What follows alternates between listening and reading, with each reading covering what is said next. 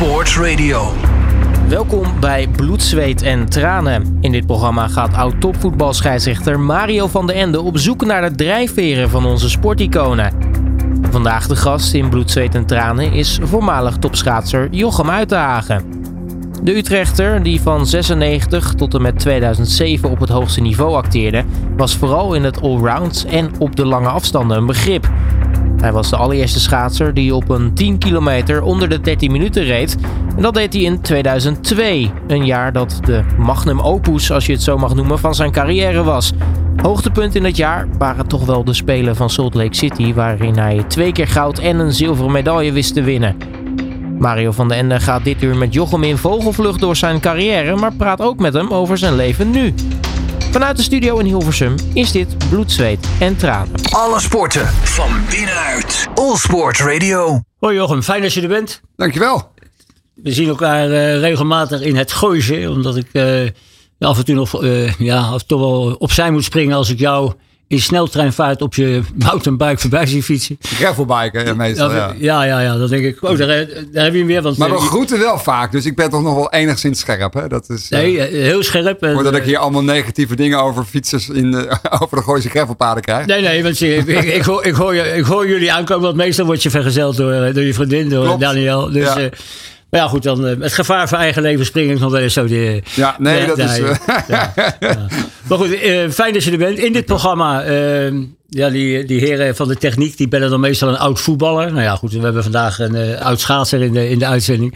En die mogen dan even met terugwerkende kracht altijd even op mij ingaan. Op het, ja, een beetje hun frustratie nog kwijt over de wijze waarop ik floot. maar ik kijk, dat is een soort uh, beroepsdeformatie, denk ik. Ik kijk ook wat bij andere sporten naar scheidsrechters. Ja. En dan kijk ik natuurlijk ook bij het schaatsen. Ik heb vorige week weer uh, ja, de, de, WK afstanden gevolgd. En ja. ben ik altijd toch uh, verbaasd hoe die arbiters daar ook toch nog een bepaald stempel kunnen drukken in het schaatsen. Dus, nou ja, dit, volgens mij is het. Um, en ik, ik ben dan heel nieuwsgierig um, hoe jij daar naar kijkt. Maar ik vind dat je moet fluiten of de arbitrage moet doen in de geest van de wedstrijd. Ja. En er was nu één heel specifiek voorval tijdens de 10 kilometer. Giotto, Giotto die haalde ja. zijn tegenstander in. Dat deed hij via de binnenkant. Officieel moet je buitenom rijden. Maar zijn tegenstander liet er onvoldoende ruimte. Dus hij ging binnendoor over de doorgetrokken streep. Ja, die was een kunstschaatser. Die, die ging ja, ja. een beetje. Ja. Ja, die reed gewoon een stukje minder hard. En, en normaal gesproken, als je gewoon puur de, uh, de regels erbij pakt, zou je die gedisqualificeerd worden. Want je rijdt via de binnenbaan en dat is fout. Gelukkig is dat niet gebeurd. En ik denk dat dat iets is als je in de geest van de wedstrijd kan fluiten. En dat je ook weet dat andere sporters um, akkoord zijn met wat de uh, arbitrage doet. Dan doe je het volgens mij gewoon heel goed. En dat betekent dat een, een regel volgens mij niet altijd in beton gegoten dient te zijn. Nee, nee het, het, moet in dienst zijn van de sport en van de wedstrijd. Ja, ja. ja. Want het is bijvoorbeeld ook bij het starten. Hè. Ik, uh, ja, ik, ik, vraag, nou ik, ik, vraag me ook wel eens af van... Uh, hoe lang heb je nou precies de tijd, weet je wel? En je ziet ook wel eens schaatsers, die zie je al bijvoorbeeld een soort visualiseren, dat ze de, de starter in de gaten ja, houden. En tuurlijk. dan gewoon even de, ja, de, kijk, hoe eerder je weg bent, hoe eerder je aan de streep bent. Dus daar win je je tijd Ja. al. En er wordt wel eens geroepen, ja, er is een pikstart gemaakt. En ik geloof daar gewoon niet in. Je bent of vals, of je mag weg van de starter. De starter bepaalt dat. Ja. En er komt natuurlijk ergens een grijs gebiedje. Dat als je echt gewoon, op het moment dat er geschoten wordt, je reageert. Ja, dan ben je gewoon heel goed weg. Als de starter je niet terughaalt, ben je daarmee dus gewoon uh, volgens de regels vertrokken. Ja. Ik, vond wel, uh, als ik kijk naar afgelopen uh, wereldkampioenschappen afstanden in Calgary. Naar mijn idee, zoals ik het op tv, vanaf tv kon beoordelen, dat is best wel moeilijk hoor. Um, want probeer maar eens twee mensen tegelijk in de gaten te houden. Hè. Dat, is, dat is best moeilijk. Ja, altijd op afstand ook nog. Hè? Want ook nog op afstand. Heel weinig, 500 meter wordt natuurlijk gelijk gestart. En voor de rest, ja, uh, ja. en uh, dat ik wel dacht, ah, die stond volgens mij niet helemaal stil. En er werd ook heel weinig vals gestart tot de 1500 meter. En misschien dat er toen intern is gesproken van, we moeten ietsje uh, meer straight zijn erin. Ja. Dat ik denk, ja, doe dat dan de hele wedstrijd. En dat is wel, um, ja, nou, dat is gewoon, ja, dat blijft nog steeds mensenwerk. Ja. Ja, hoe, uh, kun jij wel met autoriteit omgaan? Ook met, uh, heb je wel zelf een beslissing tegen je gehad? Of, uh... Oh ja, zeker wel. En ik weet ook wel dat ik wel eens een keer. eh, ik heb in het verleden ook wel eens bij de Eindhoven Cup een scheidsrechter. Echt, dat ik dacht van nou, dat ik na de hand naar hem toe. Ik zei, joh, wat ik net heb geroepen. Ik, ga, ik bied even mijn excuus aan. Het was een beetje in, de, in het heet van de strijd. Ja. Uh, dus sorry daarvoor en uh, dank.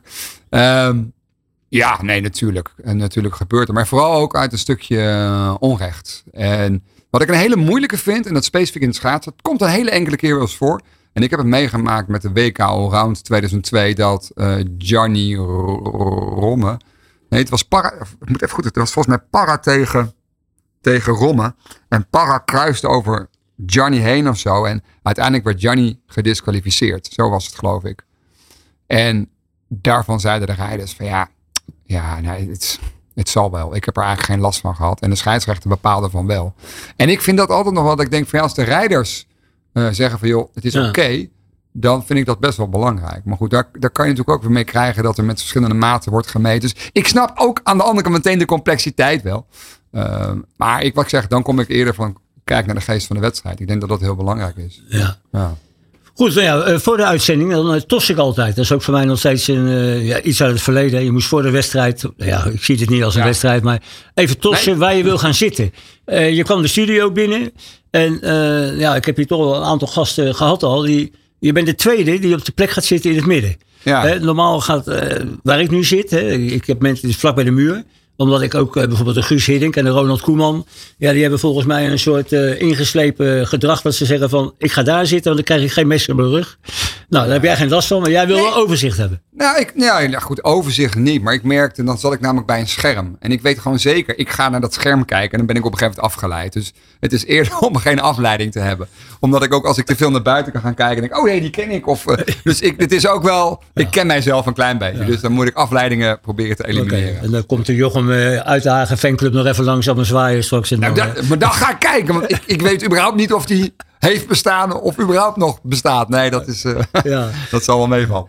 Goed Jochem, je bent van het uh, bouwjaar 76, je bent ja. inmiddels uh, 47. Ja, ik, wat ik net al zei in de inleiding van, ik, ik, ik kom je regelmatig op de hei tegen in, ja, in blakende superfitte vorm. Ja, ja, dat straal je ook nog steeds uit ook, vind ik. Als ik hier aan zie komen lopen, dan denk ik, ja, dat, daar komt gewoon nog een atleet aanlopen.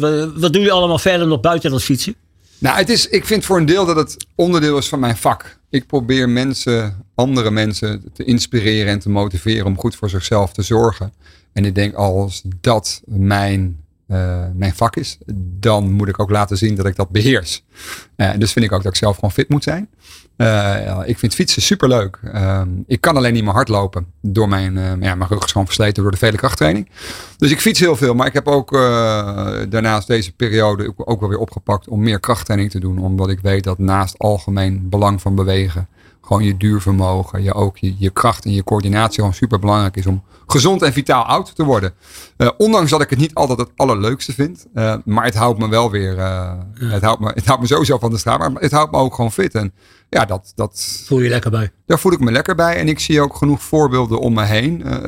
Mensen op leeftijd die op hun geheel eigen manier zichzelf vitaal houden. En daar plukken ze gewoon de vruchten van. Zeker op latere leeftijd. En mijn schoonvader is een van mijn voorbeelden daarin ook. En ik lachte hem uit toen ik hem leerde kennen. Nu bijna 22 jaar geleden dat hij s'morgens Nederland in beweging deed. Um, echt de bejaardengymnastiek. Maar inmiddels ben ik hartstikke trots. Hij is 84, is gewoon rete fit. Um, maar ja, dan kunnen mensen soms zeggen ook, ja, je hebt makkelijk praten. Maar dat zijn allemaal van die excuusverhaaltjes. Uh, want er zijn heel veel mensen, ja, eh, die zijn gewoon te beroerd om wat te doen. Hij werkt er nog voor om fit ja. te zijn. En ik denk dat dat, en dat, ik krijg het ook, ja, maar je hebt nog makkelijk praten als voormalig sporter. Ja, alleen als je kijkt hoeveel uren ik besteed aan mijn beweging, uh, mijn aandacht voor voeding Alhoewel ik daar af en toe ook wel behoorlijk... Uh, de appeltaart ging... Uh, ja, nou, prima. Ja, maar de, de, de, de bekende 80-20 regel. um, maar ook bijvoorbeeld zorgen... Slapen bij mij is gewoon cruciaal. Dat staat heel hoog op mijn prioriteitenlijst. Uh, want ik weet als je goed slaapt, dan is je herstel beter. En ja, daar blijf je langer jong van. Dat is één ding wat zeker is. Dus ja, ja, uh, nou ja, goed, ja dat als antwoord. En ik vind het ook gewoon heel erg leuk. Dat is, ja. uh, ik heb gewoon echt wel plezier om met vrienden. Nou goed, dat zeg ik het ook veel ook wat. Nou, dat, dat, het, ja, nou, het viel mij in ieder geval. Nou, dankjewel. Dan, ja. inmiddels doodt het alweer een gaatje of tien. Eh, en, eh, een een maandje geleden hadden we nog even de, de natuurijs, weet je, dat het even... eh, Uiteraard op het ijs gestaan. eh, ja, jij ook weer. En, eh, Jazeker, Gaat dat zeker. bij jou dan ook wel gelijk? Ik heb je niet gehoord over een Elfstedentocht. Want normaal komen er altijd oud schaatsers. Ja, nou, ik, ik, ik ben ook wel, ehm, ik ben wel redelijk, ehm, hoe zeg je dat? Eh, eh, eh, re- ja, ik heb heel veel realiteitszin, zeg maar. Ik bedoel, het moet Ja. eh, reëel zijn hoe de toekomst eruit ziet. En dan verwacht ik, ik zeg nooit nooit, maar gezien toch de enorme opwarming overal. Eh, met extremiteiten, dus als er in één keer koud is. Wat natuurlijk heel raar is. Afgelopen jaren hebben we altijd wel een paar dagen ijs gehad. Maar Ja. dat is even heel snel, heel koud. En dan is het ook meteen twee dagen later weer, eh, weer eh, dik boven nul.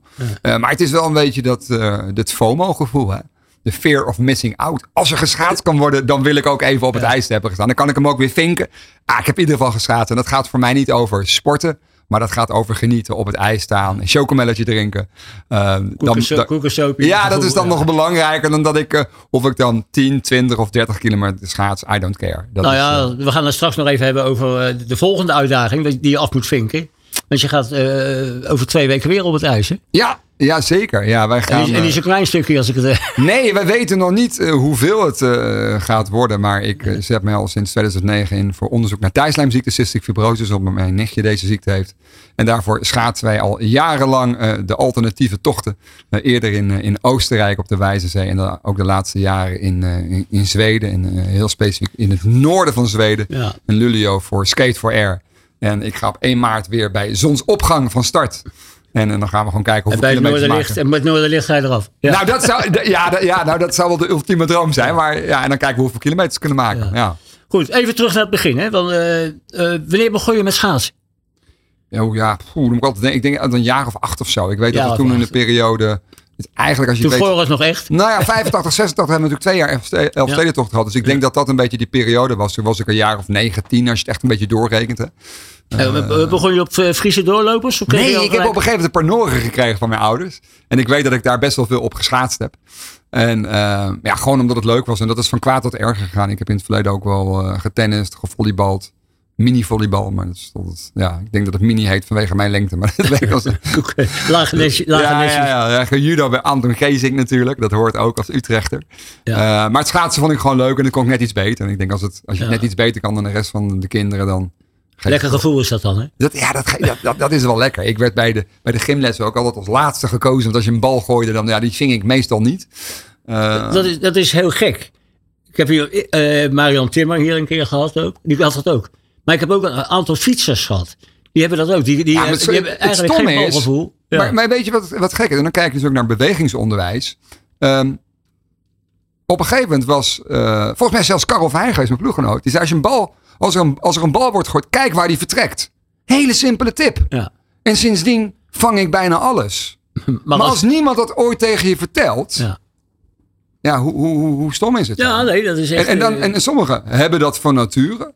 En ik, nou, ik ben daarna, ik ben nu inmiddels wel wat, wat beter daarin. Maar ik ben geen balsporter. Nul. Nou, maar jij, jij zegt, ik kreeg al eh, jong schaatsen van mijn ouders. ja, Eh, hadden jullie een, eh, de gezinssamenstelling? Was het een, en ook een heel sportief vader, gezin? moeder en een keer mijn oudere broer. Een oude broer. Ja, wel sportief. Ja, en ook wel mijn moeder wel, wel fanatiek. Dat is, als je op deze leeftijd komt, ga je er wat meer op terugkijken. Hè? Dan ga je reflecteren van waar komt dan toch die enorme, eh, hoe zeg je dat, een beetje dat, dat, dat eh, strijdlustige vandaan. En ik had het er onlangs met mijn broer ook over. Ja, waarschijnlijk toch wel, mijn moeder is wel heel fanatiek, die wil ook wel graag winnen. En je ouders die wonen nog steeds in Utrecht, hè? In het, Ja, op- op- zeker. aan Ja. het Jochem Uitdagenplan. Ja, ja, wat een toeval. Hè? Ja, ja, ja, ja. Deze grap heb ik niet zelf bedacht overigens. Maar Nee, dat, nee, heb ik, eh, de eer gaat naar Peter. Maar eh, eh, nee, nee, ja, die, die wonen nog steeds daar. En, ehm, dus we hebben wel vanuit huis meegekregen om gewoon wel sportief bezig te zijn. Mijn moeder is denk ik wel de drijvende kracht geweest. Achter inderdaad mij ook naar schaatsles brengen en dat soort dingen. Dus- Motiveren. En Ja, was het op de, de Vechtse baan en zo? Ja, eh, ja, nee, ik had een mazzel dat ik gewoon op de fiets naartoe kon. En dat was natuurlijk heel fijn. Dat als je meer uren gaat maken. Ja, mijn ouders vonden dat wel prima. Um, je zou, joh, ga dan maar lekker op de fiets. Ja. En uh, als goed, het regent, heb je, je talent- je, je, je hebt je een regenpak. Ja. Je, talent, je talent werd snel ontdekt? Of? Weet je, ik vind de term talent. Ik, ik, ik, ik ben heel kritisch. Ik heb de lat altijd enorm hoog liggen. En ik denk. Ah, je, je, was, ook- je was sneller dan de rest. Laat het zo ja, alleen. Ik had zoiets van: talent ben je, dan moet je winnen. En ik was vierde of vijfde van mijn leeftijdscategorie. Dus dan win je niet. Dus Nee. vond ik mij niet echt een talent. ga je dat tegenwoordig langs een meetlat van talent leggen. Ja, als je top 5 van je leeftijdscategorie bent in Nederland, Ja. zeker op schaatsgebied, Doe je mee. dan ben je wel een van de betere. Ja. Ja. Maar ik heb dat zelf nooit zo ervaren. Pas eigenlijk als ik nu reëel terugkijk, denk ik, ja, dan was ik inderdaad wel behoorlijk tot de talenten. Alleen, wat voor type talent was ik dan? Want ik was relatief gunstig jarig voor de leeftijdscategorie. Dus ik was een relatief oude A-junior. Ehm, maar ik denk dat mijn talent... Kijk, natuurlijk zal mijn hart-longsysteem goed zijn. Ja, ja. Ehm, maar daar maak je niet het grootste verschil. Het grootste verschil is dan toch eigenlijk wel in het... Ja, mensen zeggen over doorzettingsvermogen. Maar hoe graag wil je nu daadwerkelijk beter worden? En ja, daar heb ik wel een handje van dat ik heel graag het beter wil doen. ja wel, dat is niet... Ten gunste van mijzelf. Om mezelf op het maximale eruit te halen. En dat is in mijn schaatsport geweest. Maar dat is ook in mijn huidige werkzaamheid. Om wat ik doe, Ja. zo goed als mogelijk te doen. Binnen de mogelijkheden die, ja, die ik voor mezelf zeg maar creëer daarin. Had je voorbeelden? Had je posters boven je bed bijvoorbeeld? Of, eh, Ja, ik had, wel- ik had wel een paar poses. eh, onder andere van de Noorse schaatsen, volgens mij. Van Keijer Karlstad of zo. Maar ik, ik heb toch uiteindelijk wel vaak gekeken. Johan Olaf Kos vond ik gewoon een mooie schaatsen. Ja. En ik heb van eh, twee schaatsers dan ook een handtekening. Van Johan Olaf Kos zelf. En eh, van Dan Jensen. En, en die heb je nog ergens eh, bewaard? En, Ik denk als ik ga zoeken dat ik ergens nog wel een vermoeden heb dat ik ze heb. Maar wat ik het mooie vind van Johan Olaf Kos is dat ehm, ik, hij heeft me als schaatser geïnspireerd. En toen ik gestopt was toen, hij is natuurlijk op een gegeven moment bij Right to Play bezig, bezig Ja. gegaan. Heeft dat eh, vanuit eh, de Olympic Aid van IOC heeft hij omgezet naar Right to Play.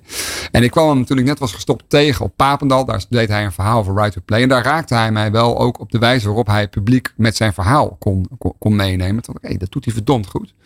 Dus daar inspireerde me ook wel weer mee. En ik heb dat, eh, we hadden natuurlijk in 2018 volgens mij hadden we de World eh, Championships in Amsterdam. En daar waren ook eh, alle grote kampioenen van Waleer waren erbij. Nou, daar mocht ik als voormalig wereldkampioen allround ook komen.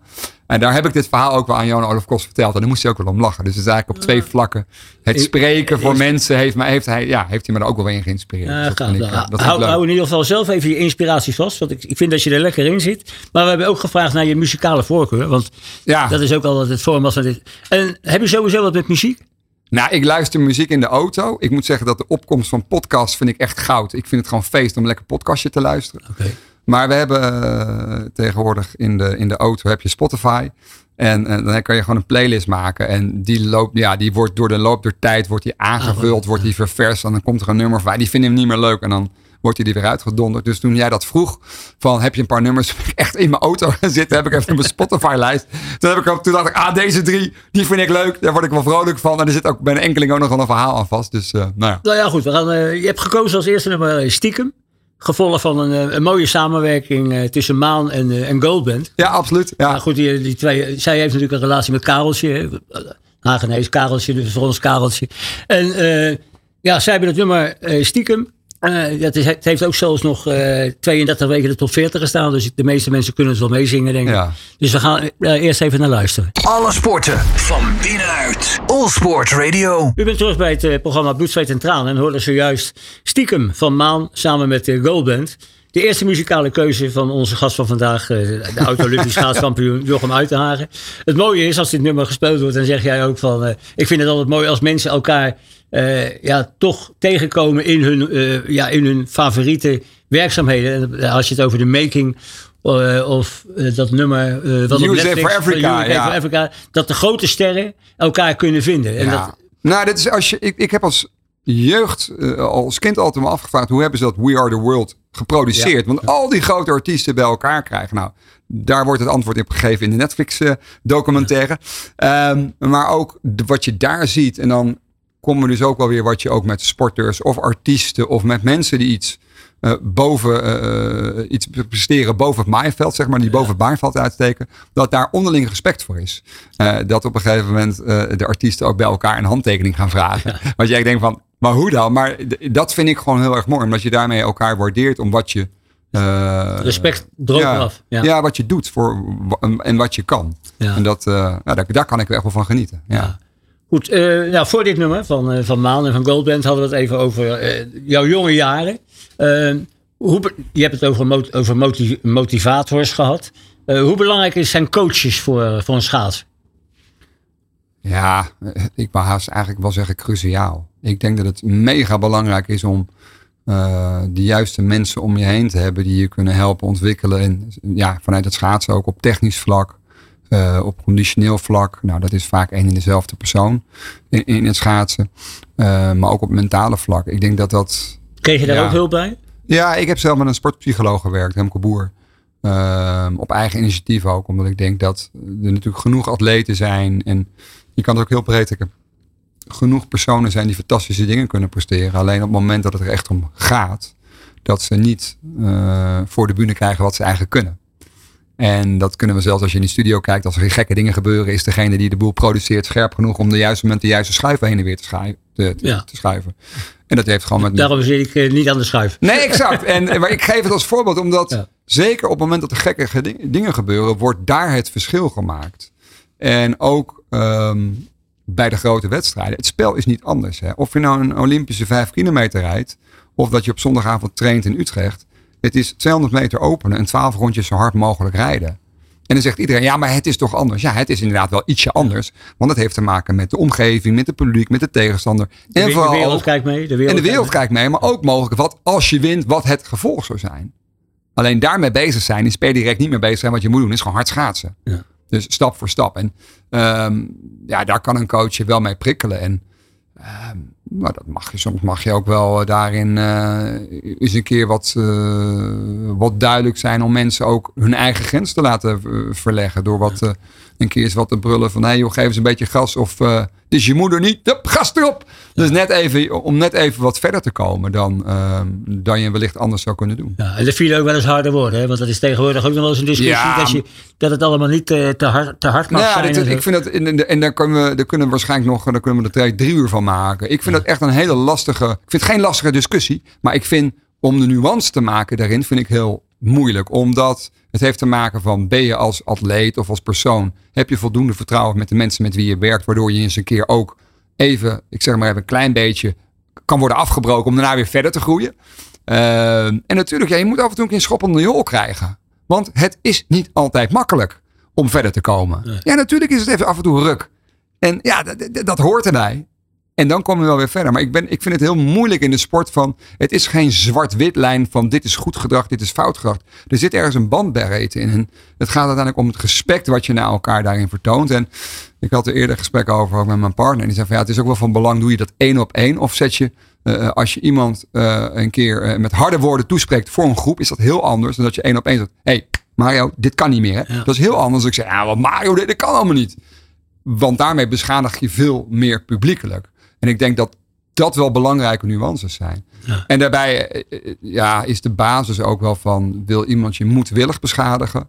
Of doet hij het omdat hij om je geeft en je echt beter wil maken? Want dan zit er een goede intentie achter. Ja, en dan ga je misschien ook wel eens een keer maak je een slippertje. Maar dat, ja, ik, ik vind dat een. Uh, ja, dit is een moeilijk uh, element, maar je moet er ook je buikgevoel op afgaan. Dat, ja. Uh, ja. ja. Maar goed, je hebt er keihard voor gewerkt altijd. Hè? Op een gegeven moment kwam je uh, ineens bij de Nederlandse top natuurlijk. Weet je nog de eerste keer uh, dat je op het Nederlandse kampioenschap podium stond? Ja, ik heb een keer was, uh, bij de junioren C werd ik derde op de drie kilometer. Dat was de afsluitende afstand van het uh, allround toernooi. Die werd gewonnen door Bob de Jong. en daar werd ik derde. Dat was mijn eerste medaille.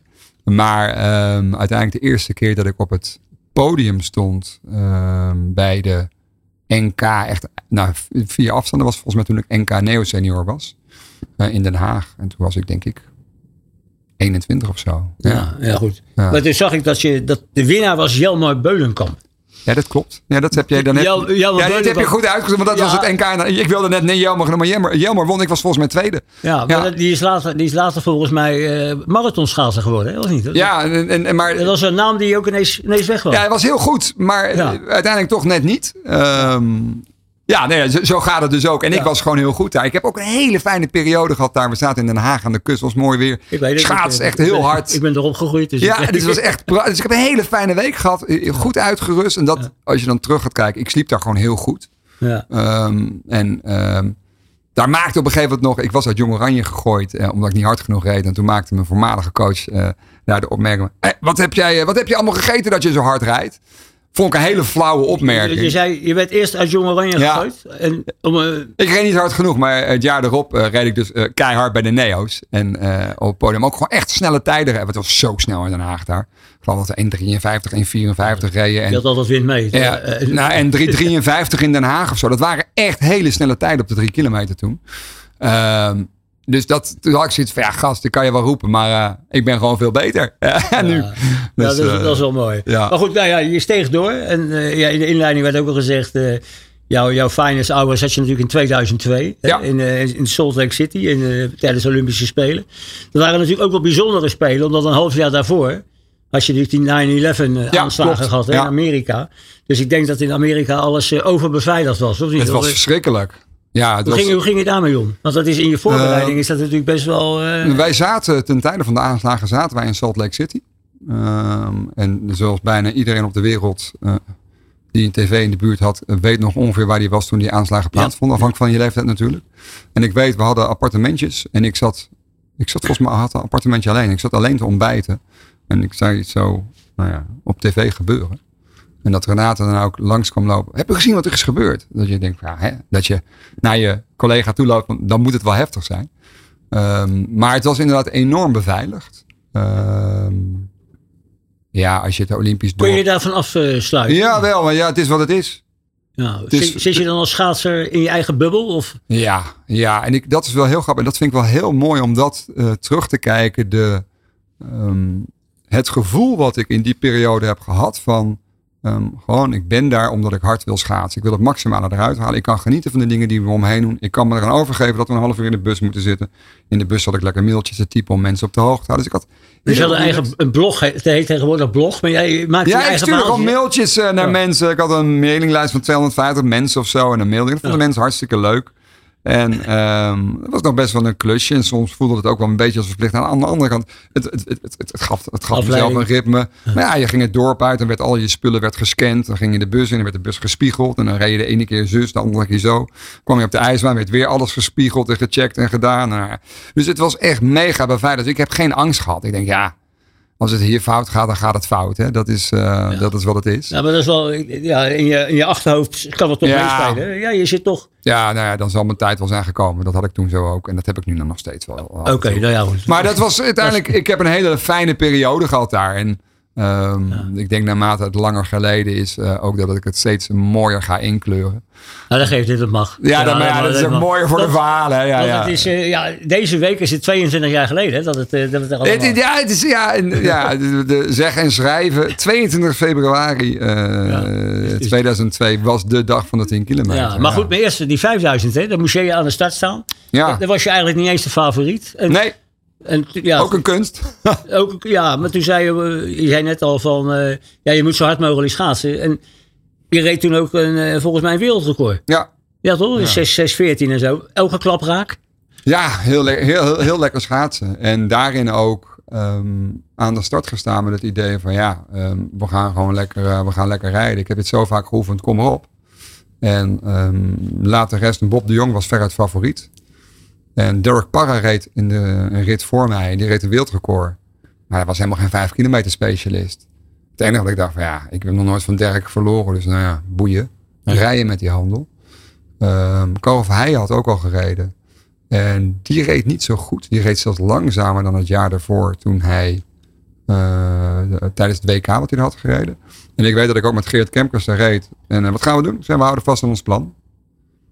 En ik heb gewoon gereden en nou, Ja. dat was het. En dat bleek, dat bleek dus na afloop genoeg te zijn voor goud. dus ik had die- verwacht dat Bob de ronde zou duiken. En, Maar en wat voor gevoel geeft het dan eh, als je dan je rondjes rijdt en je komt door die bocht en je ziet die coach staan met die, met die vingers naar beneden. En dat ronde, zie, je die, zie je die rondetijd? En- Ja, die rondetijden zie ik. Ja, ja absoluut. Eh, De, meestal de eerste tien kan ik ook wel onthouden. Ehm, nou, bij mijn taak blijven. Gewoon rijden. rijden. Ik wilde zoveel mogelijk 29 rijden.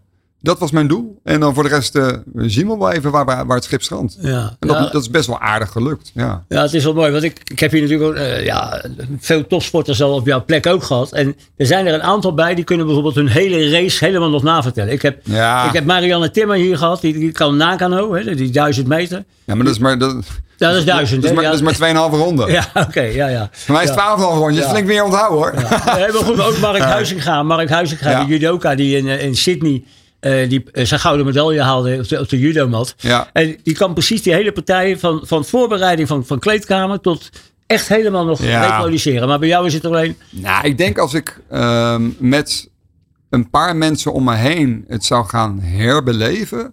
Dat ik echt gaan kijken hoe we het toen gedaan en dit. Dan zou ik denk ik wel echt wel weer wat meer kunnen inkleuren. Ja. Ehm, ja, dat, dat denk ik wel. Ehm, maar ja, nou, ik, ik, dat, ik heb me ook wel heel lang afgevraagd van, heb ik daar de flow gehad? Ik ben, gewoon, ik ben best wel een rationele sporter. Heel bewust van de dingen die ik doe. Ehm, maar ik heb wel in die periode een flow gevoeld. Maar dat had meer te maken dat het me nul moeite kostte om te schakelen van ik wil op tijd naar bed. Ik sta op, ik ga dit doen, ik ga dat doen. Zonder ook maar te twijfel te hebben, zal ik dit doen of zal ik dat doen? Ehm, ga ik nu op tijd naar bed? Echt helemaal uitgekiend. Gewoon Alles plan. in het teken van hard schaatsen. En Ja. dat vond ik heel, dat, dat was voor mij meer een soort flow. En dat vond ik heel erg lekker. En, dat En dan sta wel- je op het podium, hoor je dat Wilhelmus. En wat denk je dan van, eh, ik ben Olympisch kampioen voor het leven? Of niet? Nee, ik, ik, een van af? de eerste dingen die ik toen dacht was van... Nu snappen heel veel klasgenoten waarom ik altijd zo ontiegelijk hard aan het trainen was. Want ik heb natuurlijk best wel wat dingen opzij gezet. Ik was heel eh, eh, eh, gericht eh, aan het studeren. En op school begrepen ze Nee, dat, op het eh, VWO ook al. Daar maakte ik eh 4, 5, 6 VWO. eh zat ik in de pauzes gewoon huiswerk te maken. Zonderde ik mij echt af. En deed ik mijn huiswerk. Ja. En dan ging ik daarna naar huis. eh Schaatshalen. schaatsen halen en trainen. Ja. En op de vrijdagmiddag, waar iedereen eh, lekker de kroeg in ging in de Twijnstraat, eh, eh, ging meneer uitdagen lekker eh, op fiets naar huis om te trainen. Dan mis je wel een deel van je sociale eh, ontwikkeling. En ook later toen ik ging studeren aan de TH in Rijswijk. Ik heb daar nog wel een introductieweek gehad, maar ja, ik dronk geen bier. Vond ik ook niet lekker trouwens. Dus dat heb ik nog wel gedaan. Was je ook- even de weinige? ja, ja, maar ik, nog steeds vind ik het gewoon niet lekker. Dus het, mensen vragen, oh, drink je geen alcohol? Ja, ik drink echt wel alcohol, maar ik vind het gewoon niet zo lekker. En ik drink wel met mate. Ik drink alleen als ik het lekker vind, laat ik het zo zeggen. En ehm, dus ik heb daar echt wel dingen voor gelaten. En dan valt echt wel zoiets van, nu snapt iedereen waarom ik het heb gedaan. Het voelt, Ja. en ik kan niet de juiste bewoording vinden, maar het heeft gewoon met een soort van, ja, goedkeuring te maken of zo. Van ja, als je wint, dan is het goed, hè? Want als ik niet had gewonnen, ja, waarom heb je dan al die, al die offeringen gedaan? Ja, wat kreeg je bijvoorbeeld ook wel mee dat in Nederland daar, dat er ook wel eh, heel anders op gereageerd wordt dan? Of, eh, Nee, ik had er helemaal nul idee van. Ik wist ergens wel, als je Olympisch kampioen bent, dan, dan, dan kent iedereen je daarna. Ja. Ehm, maar dat was ik toen ook nog niet zo bewust ja. Maar goed, toen die 1500 meter, hè, een paar dagen later, een weekje later, Tien dagen, ja. of tien dagen later. Ja, en, 19e, ja. eh, ja, dan reed je ook een eh, fantastische tijd. Ja, Reed je ook in deze wereldrecord, hè? ja, ja, ja, ja dat maar, klopt. Wat je net zei van Para, eh, dat, dat jij het record van hem overnam, want die vijf kilometer pikte hij het van jou in. En wat mij nog voor de geest staat, is dat jij die Para, die Amerikaan, die, eh, ja, die lag voor op jouw schema. Ja, niet zo'n klein beetje ook, hè? Nee, maar, maar toen, ja, toen vroeg ik me af, komt er dan bij jou iets los dat je die man zo respecteert, dat je denkt, die is met iets speciaals bezig, dat je hem zelfs nog aanmoedigde? Ja, nou, het, was, het was dubbel. Het was dubbel in die zin van, eh, ik was niet de gedoodverfde eh, medaillekandidaat. En dan laat ik de kleur even buiten beschouwing. Ehm, en ik had zoiets van, ja, dit is zo bijzonder, Jochem. Dat, ik, ik, dat zei ik echt tegen me. Dit is zoiets unieks dat je zo lang moet wachten op je, eh, wat de uitslag gaat zijn. Hier moet je gewoon van gaan genieten. En toen zag ik Derek rijden, waarvan ik wist, hij was in Salt Lake eh, geweest. Hij had eerder met onder Gerard Kemkers eh, had hij getraind. Dus, en we, hij was ook wel eens met ons mee geweest met fietsen en zo. Dus ik had ook wel een klein beetje een persoonlijke band met hem. Al dan niet via Gerard Kemkers. Dus het respect is er ook gewoon. En toen dacht ik van ja, maar hier, hij rijdt zo hard, hier moet ik van gaan genieten. En toen kon ik ook alleen maar klappen. Ja. Fantastisch. Ja. En 16e, ik had die dag nooit goud kunnen winnen. En wat is het mooie? Wat gebeurt op de afgelopen WK met Kjeld Nuis? Ja, die was ook heel blij met zijn... We hadden natuurlijk onze Jordan Stoltz. Ja, En hij zegt van ja, dit is voor mij eigenlijk een zilveren medaille met een gouden randje. ja. Hij kreeg 1,2 seconden aan zijn broek. Hè? En dan kan je een hele goede race rijden als Kjeld Nuis. Maar die 1,2 seconden ga je niet dichten. En dat zei Kjeld ook heel geheel. Hij zegt, ik ben dus heel blij met deze medaille. Ja. En dat was voor mij toen ook zo. Ja. En ehm, dat is ook wel tof om dat eens een keer te ervaren van... Ja, als iemand anders beter is, dan is iemand anders beter. Ja. Nou ja, goed. En je Dus zei ook nog, ja. eh, 22 februari, nou dat was dan gisteren natuurlijk. Ehm, ja, dat was ook een explosie op de 10 kilometer. Eh, toen ging je voor het eerst onder de 13 minuten. Ja. Is dat dan eh, het gevoel wat een piloot heeft door de geluidsbarrière te gaan? Nee, helemaal niet joh. Nee, nee, nee, nee, ik ben dat. Het stomme is, en dat zou je dus aan Gerard Kemkers moeten vragen. Ik ben daar nog wel weer eens een keer nieuwsgierig naar. Van, wij hebben gewoon een schema gemaakt. En ik wist, het was altijd mijn 5 kilometer keer 2. Plus ongeveer 30 seconden erbij. Nou, 640 keer 2 is 1228 plus 30 is 1258. Dus het was voor mij op zich helemaal geen verrassing. Dus automatische piloot was het bijna. Ja, en ehm, ik weet wel dat Geert op een gegeven moment daar stond met, met een bord 13. Je kan eronder. Vervolgens legt hij dat bord op de boarding en dat pleurt nog bijna, dat, niet, bijna, dat pleurt weer op het ijs. Waardoor, nou ja, ga, ga kijken op de video, dat is heel grappig. Eh, had hij misschien nog een keer andere 10 kilometer kunnen verrommelen. Nee, dat is gekkigheid.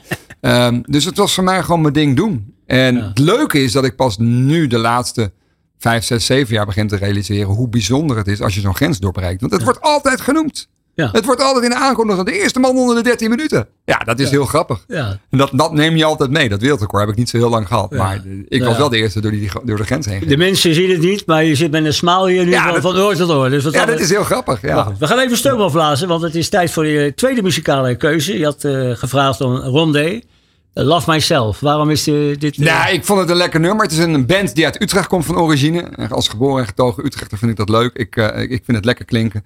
Er zit ook nog wel een stukje reflectie naar jezelf toe. Dat vind ik dan ook wel weer mooi. Dus ik had zoiets van, ah, doe die maar. Die was, kwam ook in de lijst voorbij. Oké, we gaan luisteren. Rondé. Alle sporten van binnenuit. All Sport Radio. Dit was Rondé met eh, Love Myself.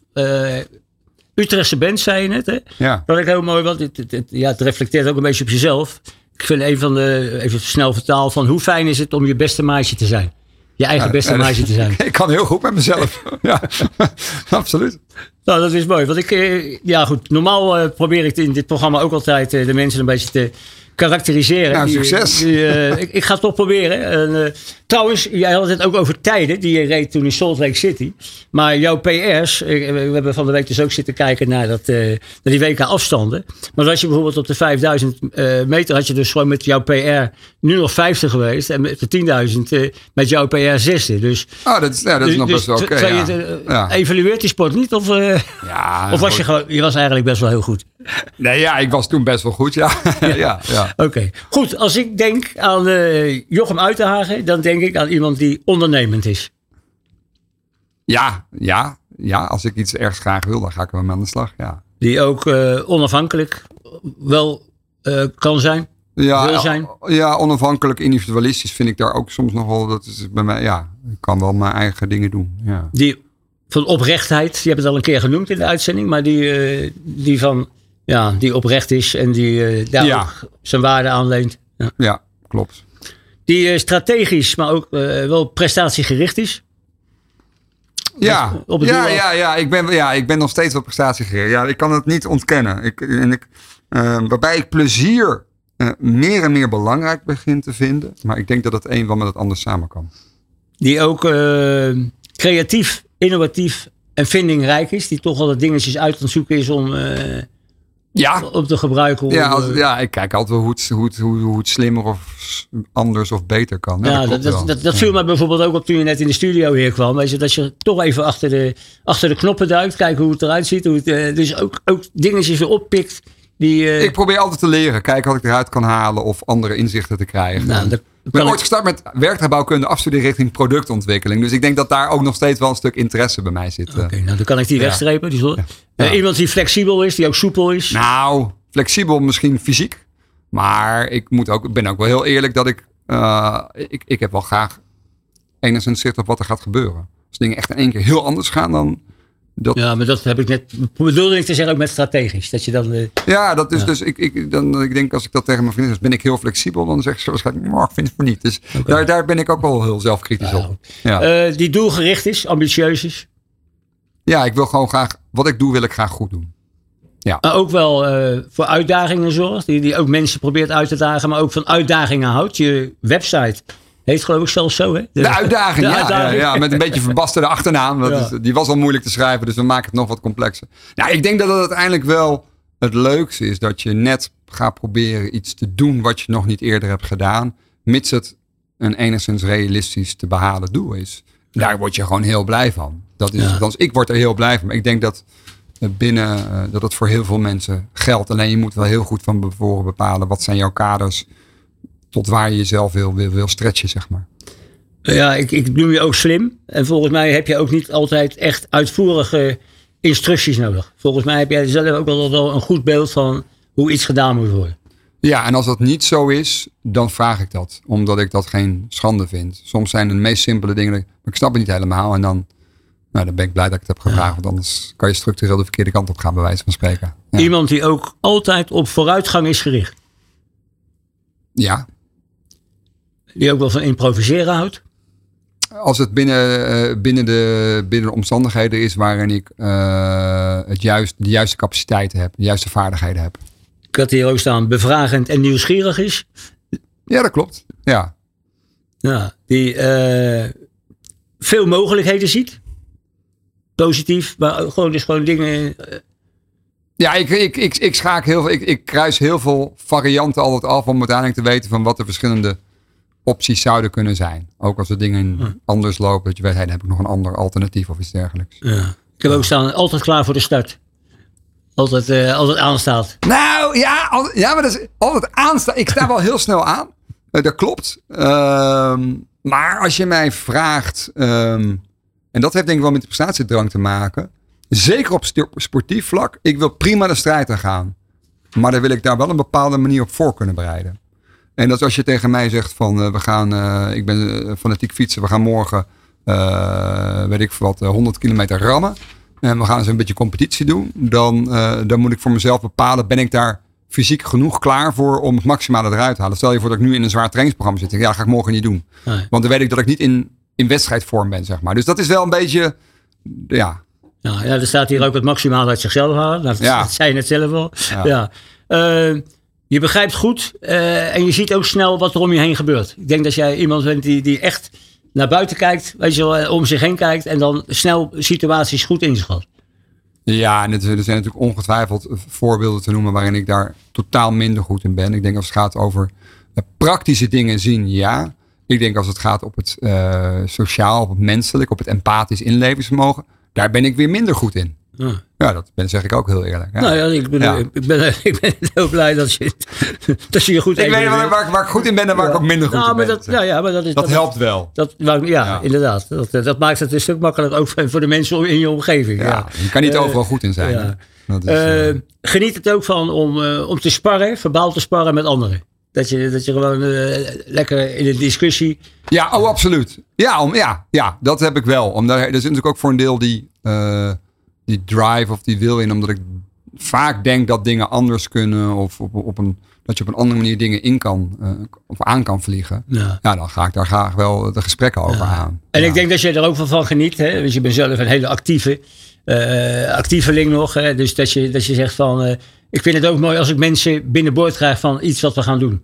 Je gaat volgende, wat we zeggen, volgende week ga je naar, naar de Botnische Golf. Gaan jullie naar de Ja, schaatsel. klopt. En ik denk dat jij het dan fantastisch vindt als je toch ja, Zeker. die sliert achter je Ja. aan krijgt. Je Nee, zegt dat vind ik hartstikke mooi. Ja, En, en ik ben daar wel ehm, in de laatste twintig jaar in veranderd. Of sinds ik ben gestopt, sinds 2007. Dat ik wel meer kijk naar eh echt individu. Dus niet zozeer naar de sport performance of de maximale prestatie. Maar meer hoe kan ik ervoor zorgen dat degenen die meegaan. Dat die als ze mee zijn geweest het echt naar hun zin hebben gehad. En voor de een zal dat zijn dat ik hem help om door de 200 kilometer heen te schaatsen. Voor de ander kan het zijn dat ik gewoon zorg dat hij de hele dag schaatst. Dat hij een hele leuke dag heeft gehad. En dat hij iets heeft gedaan wat hij of zij van tevoren nooit had verwacht. En dat is dan weer dat grensverleggende waar mensen wel heel blij van kunnen worden. Ja. En dat, eh, ja, dus, dus daar zit wel een klein beetje, daar ben ik wel wat, nou, wat, wat misschien milder of min- minder excessief eh, Ja. vanuit de topsport eh, gedacht. Nou, normaal vraag ik dan altijd, heb je nog een eigenschap toe te voegen? Maar je hebt zelfs een aantal eigenschappen toegevoegd die, eh, ja, die, die zo verhelderend zijn. Je, je partner, Danielle Mouissi, de oude hockeyster van Laren. Zal die nog iets toe te voegen hebben? Dat je zegt, nou Mario, dit... eh, Eigenwijs, waarschijnlijk. Ja, Ja, Kan ik kwaad toch? ja, ja, ja, ja, ja, het Zit ook, dat, dat, dat heeft natuurlijk ook wel voor een deel te maken met eh, hoe ik Ja. tegen dingen aankijk. Dus het Ja, ene karaktereigenschap kan het andere een beetje creëren natuurlijk. Maar goed, wat je net ook al zei, eh, mensen eh, proberen ook beter te maken. Eh, je hebt anderhalf jaar geleden een boek uitgebracht, Opgeladen. Ja, Hè, dat ging over vier batterijen. Kun je Ja. even in het kort dat boek... Ja, nee, ik denk dat als je gaat kijken hoe je in het leven staat, dat je op vier vlakken energie eh, hebt. Zowel op spiritueel niveau, eh, op mentaal niveau, emotioneel niveau en fysiek niveau. Waarbij voor spiritueel niveau sommige mensen een beetje jeuk gaan krijgen. Maar het heeft gewoon te maken met spirit, met drive, zingeving. Why do you do what you do? Ehm, mentale aspecten, hoe werkt je brein, waar zit je focus, wat, wat voor vaardigheden heb je geleerd, emotioneel, hoe je op, in omgeving zit, op situaties. En in dat boek worden dus eh, jouw schaatsmomenten ook meegenomen naar... eh, Ja, maar zeker ook gewoon de normale, eh, het normale leven van hoe kan je nou Ook met je energie omgaan, omdat dingen. die vier vormen van energie als communicerende batterijen met elkaar samenwerken. Dus als jij, je kan nog zo fit zijn, fysiek fit zijn, als jij iets moet gaan doen waar je geen energie uit haalt, of wat je niet leuk vindt, dan kan je je capaciteiten van je fysieke eh, batterij Ja. ook niet benutten. En dat, het Ja. een compenseert de ander. En dat is eh, vaak dat model aan mensen laten zien. Geeft ze al inzicht in dat ze denken, oh, ik moet daar eens even... Ja, maar dat is mooi. Maar, maar ook Ja. bijvoorbeeld eh, jouw nichtje, wat je eerder al zei, van, die heeft die tijslijmziekte. Ja, Nou, dat is gewoon een, ja, een ziekte waar op het ogenblik nog steeds problemen mee zijn om, Ja. om daar de oplossing voor te vinden. Ja, er is inmiddels medicatie voor een hele grote groep, maar we zijn er nog lang niet. Er zijn nog steeds allemaal andere aspecten die bij de ziekte komen kijken, die nu eh, ook naar boven komen. Maar ja, dat is wel, eh, dat heeft effect op je fysiek. En dat, dat betekent ook, en dat zie je bij heel veel, zeker bij de wat oudere mensen met CF, dat die ook wat anders in het leven staan. Ja, er is Skate for Air, heet Ja. die eh, stichting. Hè? Klopt. Nou, een mooie website, die heb ik ook even bekijken. Dus mensen die zeggen van nou, daar, daar willen we meer van weten. Ja, en kijk dan ook voor degenen die niet kunnen schaatsen op Gravel 4 Air. Gravel 4 Air, want we gaan inmiddels in het eind mei, begin juni, het eerste weekend van, eh, van juni, in eh, Limburg drie dagen gravelen of op de mountainbike. Drie dagen, drie landen, 300 kilometer. En dat is ook nog een kortere ik, variant. ik zie je ik zie je trainingsrondjes op de, op de, gooizij met, eh Ja, met ja, dat- angst en beven. Ja, ja, ja. En dan heb je ook nog, eh, de- waar je mee bezighoudt, is de stichting eh, Sporttop. Hè? Ja. Dat gaat over jeugdige talenten. Die, Ja, eh, en we hebben dat, dat hebben, doen we nu bijna 20 jaar. Komend jaar 20 jaar. Eh, inmiddels is de setup wel wat veranderd. En hebben wij voornamelijk nog een talentenfonds waarin talenten aanvragen kunnen doen. Dat beoordelen we, beoordelen we eens in het half jaar. En daarnaast ondersteunen we vanuit Sporttop nog weer online gastles. Waarin wij jeugd via online gastlessen op basisscholen en voortgezet onderwijs stimuleren om eh, nou ja, zichzelf te ontwikkelen. Ja, ja, wat ik Ja. daar ook heel bijzonder aan vond, is dat een aantal oud-topsporters, eh Edith Bos, Richard Krajcek, Bas van der Goor, Esther Vergeer, eh Ron Zwerver, die houden zich ook met die talenten bezig, maar niet in hun sport. Nee, dat was, dat was het cross-sport principe. Omdat je toch... ehm, ja, ik denk dat je niet je eigen sportcarrière moet kopiëren. Maar wel alles wat om topsport heen hangt. Ja, en en het conflicteert ook niet met de coaches. Exact, Eh, dat was, dat was de achterliggende Oké, gedachte. oké, dus Ja. eh, dat ook klopt, klopt helemaal. Ja, Eh, voor jou, ja eh, die- daar zit ik al de hele tijd naar te kijken. er ligt een gele en een rode Een kaart. gele en een rode kaart, ja. nou, dat is... Je ehm, voorgangers maakten er gretig gebruik van. Dus Ja, ik heb, ik zou je zeggen, ik, ik, alles staat en valt met een goede voorbereiding. Ehm, en dat heb ik dus hierop niet gedaan. Eh, maar als je me vraagt wat, wat voor mij een, een, een rode kaart kan zijn, is dat ik maak mij oprecht wel zorgen over het klimaat. En ehm, ik zou dus eigenlijk wel een rode kaart willen uitdelen aan mensen die op beleid zitten, die niet voldoende doorpakken om zich aan eh, de afspraken te houden die we met z'n allen hebben gemaakt rondom klimaat. En dan zeg ik het heel breed, maar we hebben natuurlijk afspraken gemaakt om eh, proberen binnen anderhalve graden te blijven. Maar dat gebeurt gewoon eh, op heel veel vlakken niet. Dus als er discussies zijn over fossiele subsidies en dergelijke, denk ik, ja, ik weet, we kunnen niet in één keer zonder fossiel. Maar ik denk wel dat we echt een aantal stappen moeten gaan zetten. En er wordt gewoon er wordt getraineerd, dat gaat te langzaam. Dus daar geef ik rood voor. En, en geel, ja, dat, moet ik even, dat, moet, dat, vind ik eigenlijk wel wat lastiger. Ehm, maar misschien moet ik geel geven. Ehm, ja, nee, ik, ik, ga, ik ga geel geven aan de mensen die roepen dat ze een betere gezondheid willen hebben. Altijd excuses aanvoeren om daar niet mee aan de slag te gaan. Want vaak wordt er. morgen begin ik. Ja, waarom niet vandaag? Nou, maar ook hele kleine dingen. Ja, maar dat. Nee, dit zijn allemaal, allemaal, allemaal, allemaal, rottige smoesjes. Ja, maar ik heb geen tijd om een uur te fietsen. Nee, dit hoeft ook niet. Je kan toch een half uur gaan. En ik denk dat mensen wel ehm, dit soort ehm, excuses vaak voelen. Dus het is eigenlijk heel zonde. En het is eigenlijk, geel is een beetje een waarschuwing. Hè? Dus eh, wees daar alert op. Jochem, zo'n uur met jou, dat, eh, dat vliegt om. Eh, we gaan er straks uit met jouw derde muzikale keuze. Ja, die is echt lekker hè?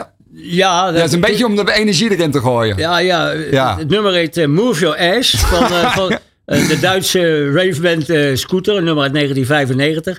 Ja, we spraken eerder in dit programma over beweging, over vitaliteit, over energie. Dit moet je opzetten als je gaat trainen. Dit moet je op ja. ja, nou ja, dat- doe dan wel je veiligheidsriem om, zeg ik. Want, eh, Ja, nee, het is, het is heel grappig. Dit, eh, ik, ik volgens mij op een gegeven moment een cd'tje gekocht. Ik denk dat het ergens rond 98, 99, 2000 is geweest. En ik heb ook ergens een beeld dat ik die muziek hoor toen we in Hamer aan het trainen waren.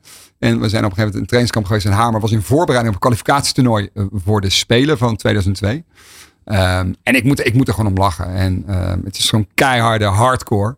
Ehm, waarvan als je wat verder gaat zoeken, eh, dan toch achterkomt dat hij een hele grote inspiratiebron is geweest voor heel veel huidige eh, muziekmakers. En dat vind ik dan wel weer leuk. Mooi. Dus eh, die kwam ook op de Spotify voorbij. Want als je onderweg bent naar Italië, dan heb je zoveel tijd om muziek te luisteren. Dan komt er soms ook wat harder tussendoor. En dan... Ja, als je dan door de, eh, de Gotthardtunnel rijdt, dan heb ik het idee dat, eh, dat, dat de planeet Ja, ja, ja, van de dingen. Maar goed, ik wil je in ieder geval, Jochem, bedanken eh, voor je komst, je medewerking, eh, je openhartigheid. En wees je in alle gezondheid, eh, ja, alle goeds doen, de mooie dingen die je nog gevallen hebt. En natuurlijk volgende week zeker veel succes in de Botnische Golf. Dankjewel. Eh, voor eh, Skate for Air, waar je die, eh, die 200 kilometer tocht eh, ja, op één been eigenlijk uit gaat schaatsen. denk ik. Ah, ik weet het niet. U bedankt voor het luisteren en tot de volgende uitzending van Bloed, Zweet en Tranen op All Sports Radio. Wanneer we weer met een Nederlandse sporticoon in gesprek gaan. Maar wat ik al zei, veiligheidsriemen nu even vast voor de derde muzikale keuze waarmee we dit programma afsluiten. En we gaan luisteren naar Scooter, Move Your Ass. Alle sporten van binnenuit. All Sport Radio.